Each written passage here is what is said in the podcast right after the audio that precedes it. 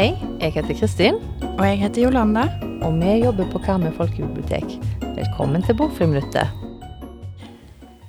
I dag så har du med deg ei litt tjukk bok, Jolanda. Kan du fortelle meg litt om denne boka?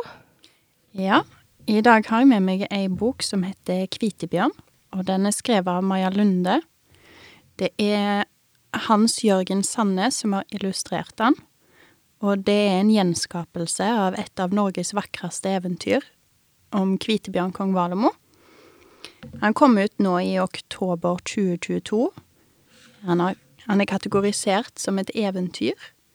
Han er på bokmål, og han har 229 sider. Og hva handler denne boka om?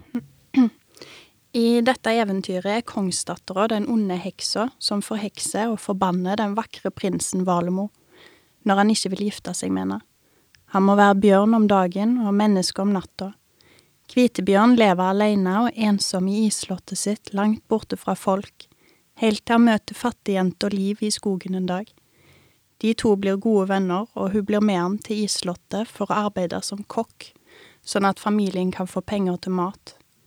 Vennskapet mellom de vokser, og Liv får snart se at Kvitebjørn bærer på en hemmelighet.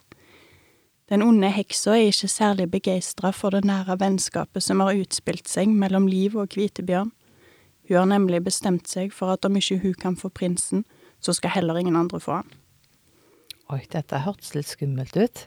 Ja, han er veldig spennende. Ja. Og hva var det du likte med denne boka?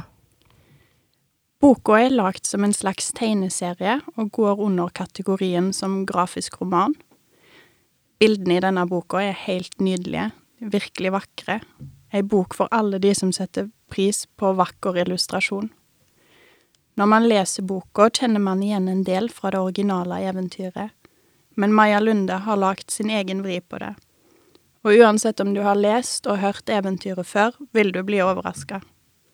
Selv om boka har mange sider, er det lite tekst og mye bilder på sidene som gjør at boka ikke tar så lang tid å lese som det kan se ut som man gjør. Ja. Og hvem er det du tenker at denne boka her passer for? Eh, bak på boka så står det at han passer for eventyrelskere mellom fem og hundre år. Men jeg som er litt forsiktig med hva jeg vil at mine barn skal lese og bli utsatt for, hadde kanskje heller sagt fra åtte og ni og oppover. Akkurat.